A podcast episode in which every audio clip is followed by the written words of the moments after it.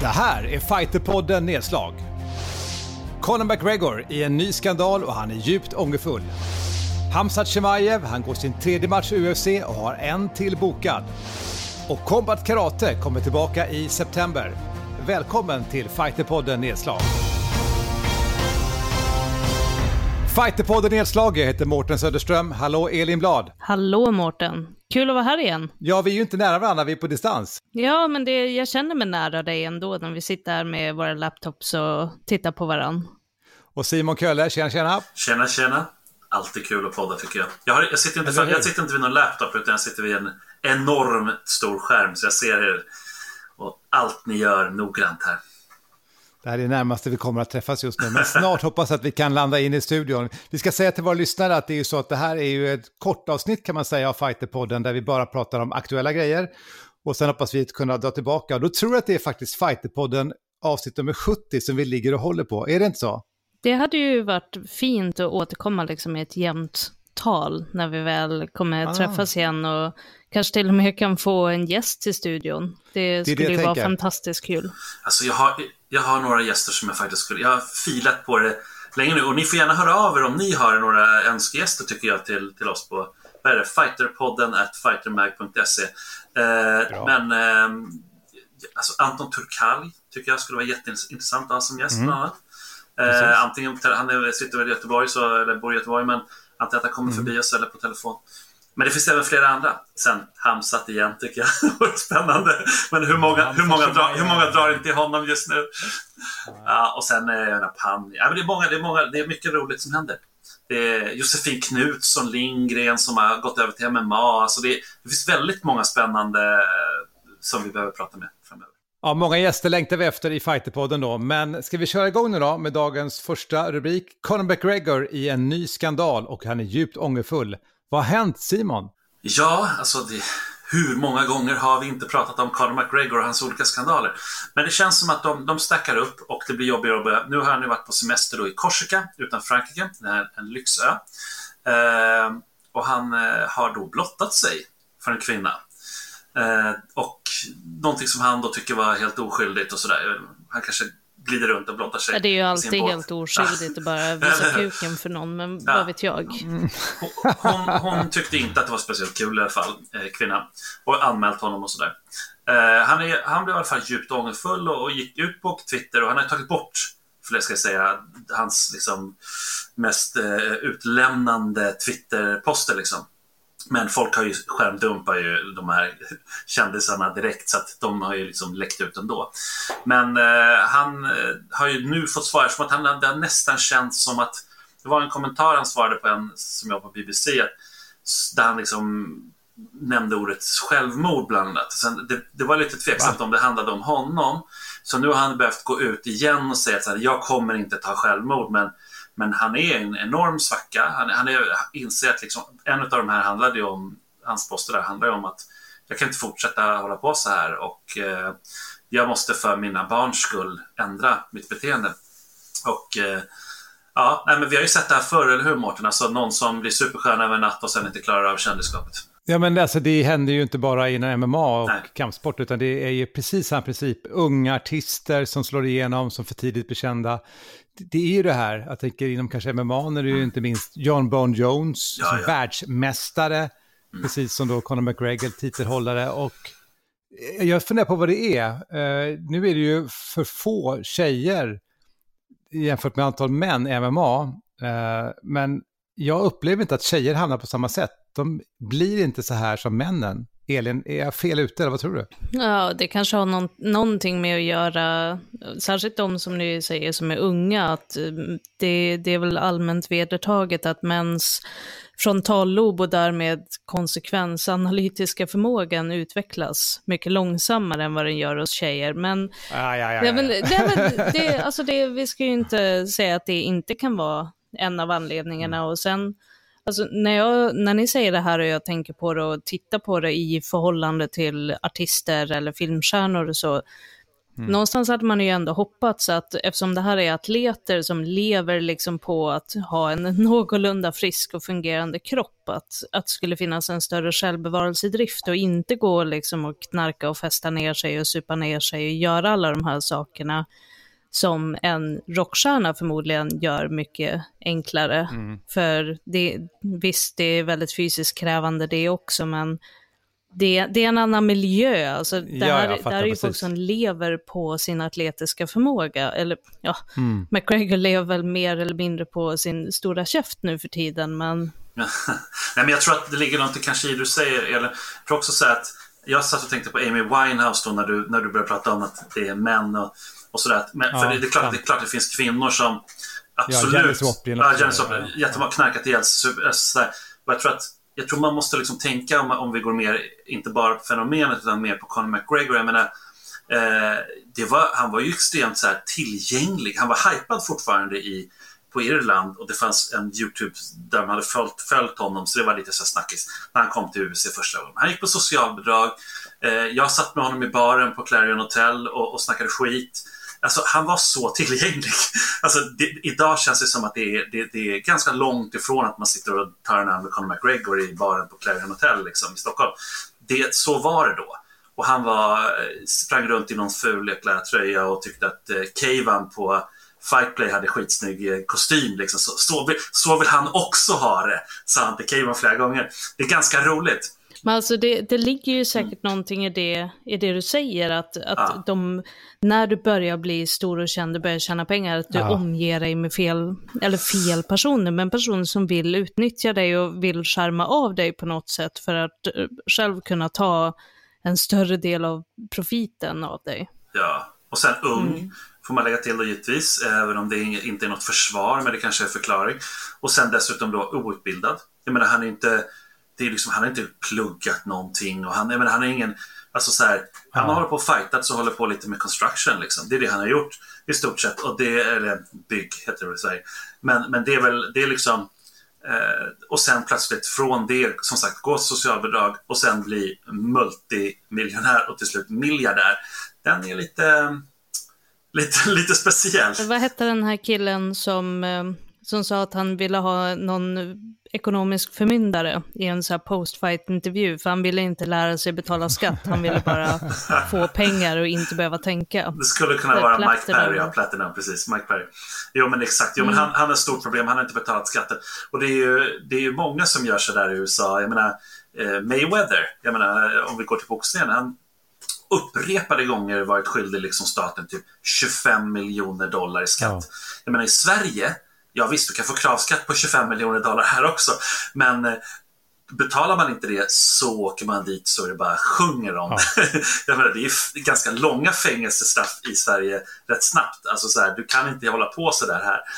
Men det är också en stor skillnad, för i Sverige så får du din deklaration förifylld i Skatteverket i en app. Du behöver bara säga ja. I USA är det jävla svårt att fylla i en skattedeklaration. Jo, så... men de har företag ju alla de här ja. såklart. Men, mm. Ja, men så är det ja. såklart. Jag, jag, jag, jag tänker bara, alltså, är det någon fighter, det finns säkert några till, jag skulle säga även kanske Diaz skulle gjort det här också, men jag är inte förvånad att McGregor har gjort det här. Det är det som är problemet. Att han har blottat sig eller att han har bara ballat ut? Nej, att han har, ja, blottat sig att han gör den här grejen, att det är han som är i skandalen. Mm. Eh, jag, jag var faktiskt mer förvånad måste jag säga när John Bon Jones gjorde det. Då blev jag mer besviken för det var så där, nu förstår jag att han har haft jättemycket problem. Jag, han var ju ganska, han var ju lite mer gentlemannamässig på något sätt. Uppförde sig och lite mer verbal. Eh, det är ju mycket mer trash över McGregor och en sån kille skulle lätt kunna dra två öl och hänga ut Snoppen känner jag. ja, vi får se. Dagens citat, Mårten Söderström. Två öl och dra ut snoppen. Ja, vi kör. Vad är nästa ämne? Nästa ämne.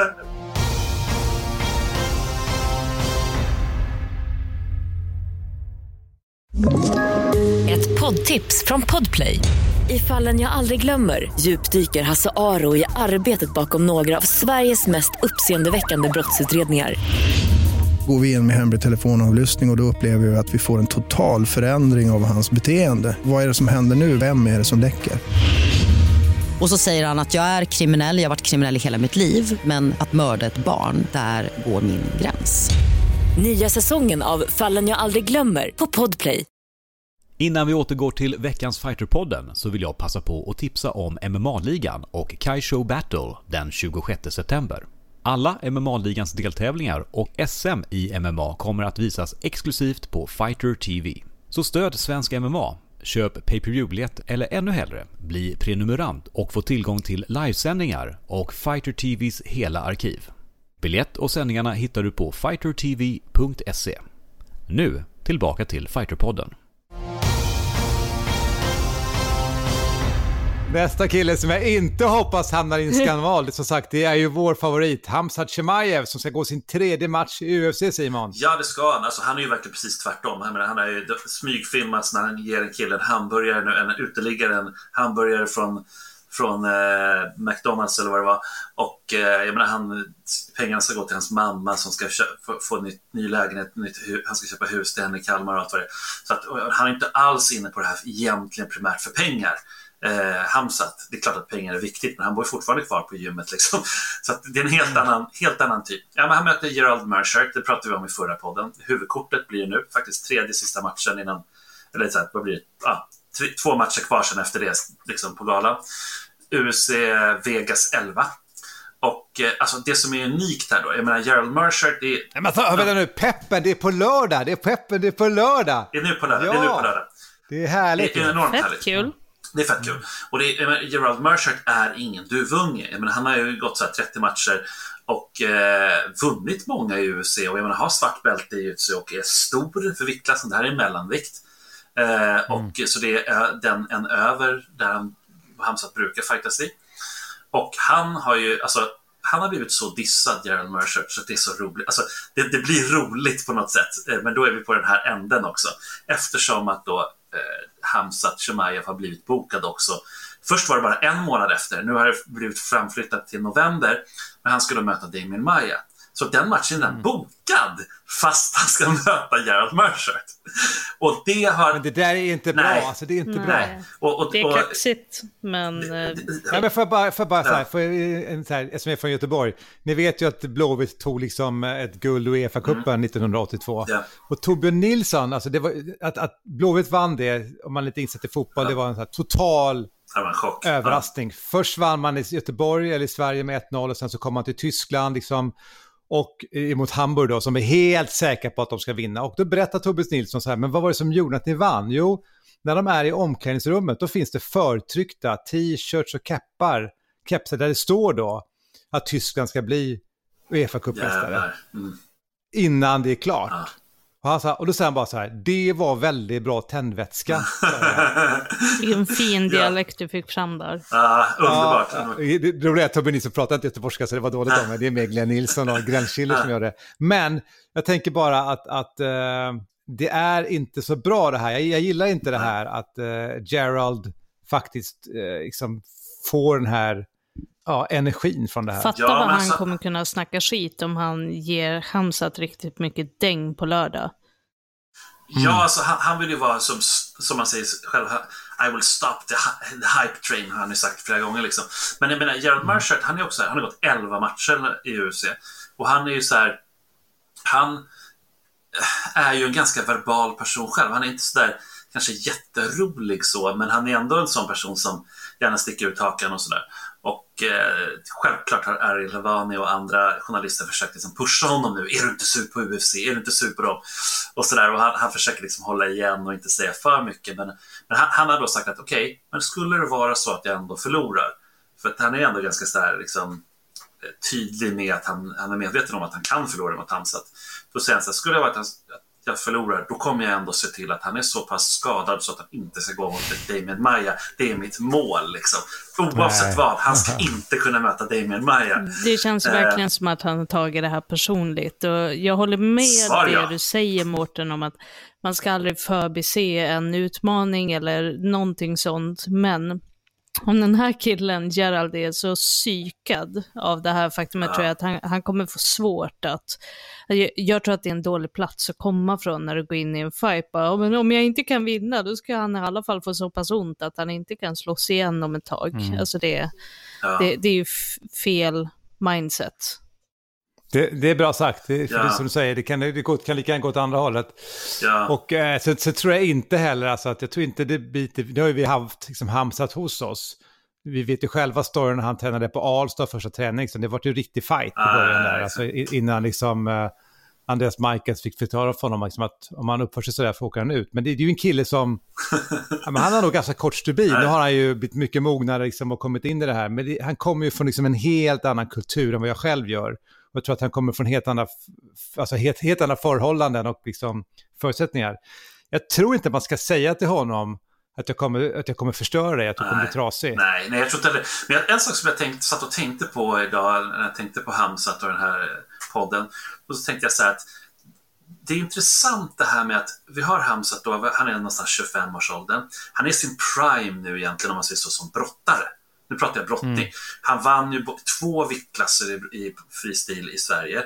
Eh, och jag menar, vi har, det är typ Ara Abrahamian och eh, Martin Lidberg, Jimmy Lidberg. Alltså det är på den nivån. Han skulle kunna gå upp och vara med i ett OS i brottning och kanske åtminstone placera sig. Liksom. Alltså, och, absolut VM. Han är så pass bra. Och jag tror att lite av, av grejen varför, varför vi, vi ser Hamzat vara så fruktansvärt bra, det är ju såklart Allstars som har drillat in honom i striking och så och han är en fantastisk brottare. Men jag tror också att det är att han, vi, vi får sällan se dem. Vi får sällan se folk i sin riktiga prime. Jag menar, Daniel Cormier kom in, vadå, han var över 30 liksom och kom in efter sin brottningskarriär och är ändå fruktansvärt bra. Här har vi Hamzat, han är mitt i, han skulle kunna nu gå OS i brottning och, och, och gå bra liksom. Ja, det är spännande, det är intressant. Jag tycker nästan vi måste få honom att göra det, för vi har väl inte så många prospekt annars ja. på att plocka OS-medaljer i, i någon av våra kampidrotter. så det, jag tror att vi har lite ljud och folk mm. som ligger bra till, men nu får vi ju se om det ens blir något OS. Men... Eh, så är det ju. Men eh, det blir ju av nästa år, precis, de har ju skjutit på det. Så, men det, det, det, blir ju intressant. Nej, men precis, han, men brottning har vi ändå bra folk här. Men han, då när han i båda viktklasserna, båda gångerna han ställer upp i Sverige då på på SM så har han inte förlorat en enda poäng. Nu har det 10-0 alla matcher. Jag menar, det, är så här, det, är, ja, det är otroligt skulle jag säga. Det är så jäkla bra. Så att, eh, alltså, all lycka till Hamza Chimaev. Det, det, är väldigt kul att ha en sån och spännande person som, som är lite så otippad också. För mina, kommer du ihåg det Mårten, och, och du också Elin, när han var hos oss i studion? Att det var inte som att han kom in som en superstjärna direkt, utan det var, det var ju liksom en ganska så här, eh, ja men inte blyg kille, men i alla fall lite så här... Eh, ja men lite timid ändå, så han var, han var liksom mjuk, han pratade ja. på ett mjukt sätt och, och så här, lång, långa meningar och verkligen berättade så här innerligt om hans uppväxt och hans ja. familj och hur mycket det har betytt och så här, nä, nästan så här, tittar ner i bordet och skäms lite när han berättar om den här första fighten ja. han hamnade i på Allstars när han kom dit. Så det, jag, jag tycker han har han, hans personlighet överraskade mig jättemycket och det är det som är, det, ja. när man tittar på de här post-fight-intervjuerna som man har haft i UFC, det går ju inte att inte sitta där med ett stort leende så, så fort han pratar. Det, jag tycker det är fantastiskt kul. Han, det är så mycket glädje i honom. Ja, det är, han är äkta. Han är äkta. Det är det. Det handlar om äkthet. Ni minns ju också från intervjun, det var ju det här, man, vi pratade lite grann om att de har brottningen i blodet, ja. att man, alltså på skolnivå sådär, det är liksom brottning. Så tror jag att jag sa någonting i stil med så här, så liksom, när man börjar träna 6-7 år och han bara, nej, alltså du är alldeles för gammal om du börjar, du får inte börja när du är 6-7 år. Liksom, de började med 3-4 år, liksom, 6-7 år, du har, det är för sent att börja brottning då om du ska bli riktigt bra. Och jag bara okej. Okay. Ja. Ja, jag ska drilla in min dotter då, hon ska få börja när hon är tre år. Då, så det, det, ja, det är bra, bra. gör det. okej, okay, vi håller tummarna som ja. sagt för lördag, på, på lördag för Hamzat Shemaev. Lyssna på avsnitt 58 av Fighterpodden, för där hade vi Hamzat som gäst. Så får Bra. ni höra det vi pratar om nu.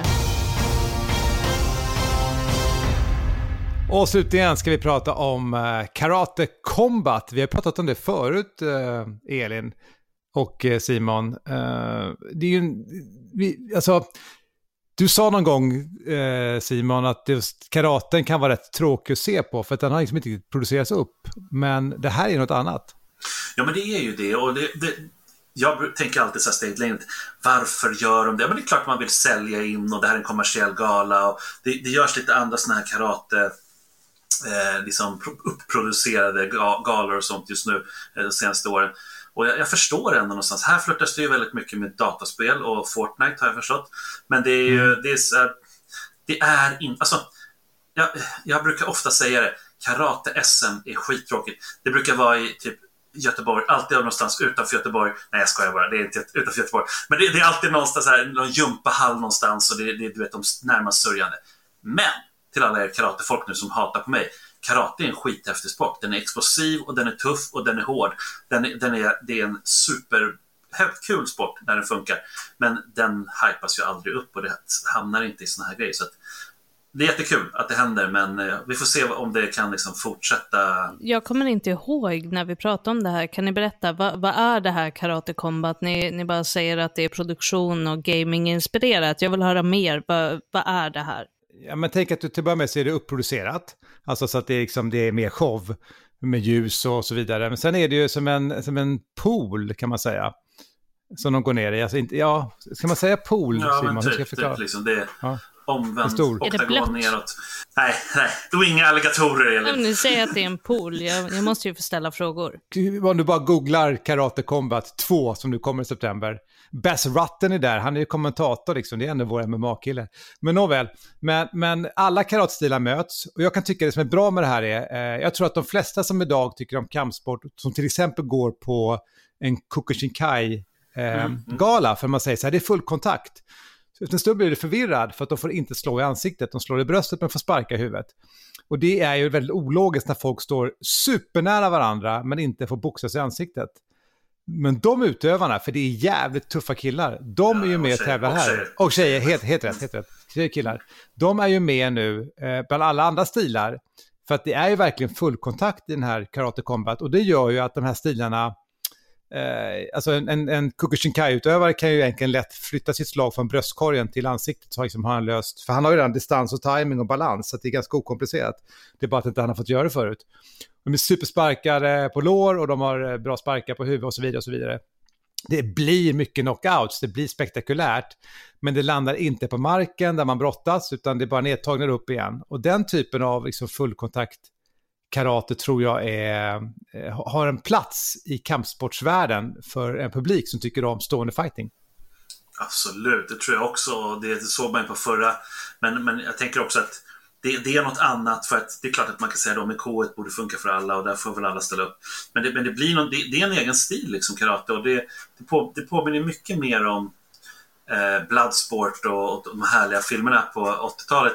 Eh, så här, karatefilmer egentligen, som de kallades. Eh, men, men problemet var då att man kapitaliserade aldrig på det inom sporten. Jag menar, nu säger du så här, en eh, Kukushin-gala, fast det är inte ens en gala, de har inga galor. Det här är en gala, de har tävlingar. Jo, men du har ju, du har ju SM i, du har ju SM i Kukushinkai-karate. Men det är ju... Det, men, ja, men kan, är det en gala nej, liksom? Nej, det är en tävling. tävling. Nej, men sen, sen är det ju förvirrande. Det är ju det, är ju det som är problemet med den här typen av kampsport det finns SM i karate, ja så går jag till den. Det kan vara en Shotokan, mm. det kan vara Chokushinkai, det kan vara, eh, inte vet jag, Vaduryu kanske också har liksom ett SM. Så, och det gör ja, ju, och det är helt olika stilar. Men här möts de här och alla de här är då mästare i de här olika stilarna. Eh, som jag har förstått när jag nu har kollat mycket på Jesse Enkamp, the, the Karate Nerd, som också har varit hos oss i podden. Eh, han pratar ju om att det ursprungligen liksom fanns inga stilar, utan det är bara att de kom från olika platser och tvingades att ta ett namn men när man ställer upp de här och de gör sina grundkartor så är det i stort sett samma. Ja, men det är klart det är det och sen dessutom så alltså, hela den mystifieringen som fanns, alltså, det fanns i Sverige också långt fram. Menar, till viss del kanske till och med finns kvar, men det är en annan tid vi lever i nu. Förut var det såklart Elin hade en skola, säger vi, då var hon tvungen att hålla sina lite tekniker hemliga. Annars kommer inte folk gå dit och liksom betala henne pengar. Hon levde på det i exemplet. Då. Alltså jag önskar att jag kunde leva på att lära folk hemliga tekniker. Vilket ja. gött liv jag skulle ha då. Eller hur? Och grejen är det att det där med de här hemliga teknikerna, eh, det tänker väldigt många att det är asiatiskt och det är liksom mystifierat. Men grejen är att det faktiskt då som jag som har hållit på bland annat med HEMA vet att det är inom historisk fäktning och sånt. Det har funnits sedan 1200-talet i Europa också. Botta secreta, det betyder hemlig teknik eller hemligt eh, vapen. Så det, det är ju eh, precis samma grej. Alla, alla skolor hade sin egen botta secreta. Så att det var liksom någon hemligt så att man kunde bara lära sig den hos Elin eller hos Mårten. Och, och, nu idag, Ja. allting är Allt finns, jag håller med alltså, dig. allting finns. Du, du, du kan youtuba, det är den stora hemlighetsplatsen. Liksom. Kan du se varenda liksom, Kimura-variation som finns. Liksom. Alltså, det, är så här, det, Det går ju inte att komma undan med en sån affärsidé nu utan att hamna på McDojo Life, så det är kört. Det, den, den affärsidén har bara seglat iväg. Jag, jag missade den primetimen, det är rätt synd. Jag tror att alla våra lyssnare vet vad det är, men om inte man har gjort det, gå in på Instagram-kontot och kolla McDojo Life. Det är fantastiskt kul. Jävligt kul alltså. Ja. det är fantastiskt kul. Hörni, Ja, är- eh, så här är tiden ute. Ja. Redan? Ja, det är en snabb podd. snabb podd. Men vi försöker ju hålla varje vecka istället, så det är det som är grejen. Ja.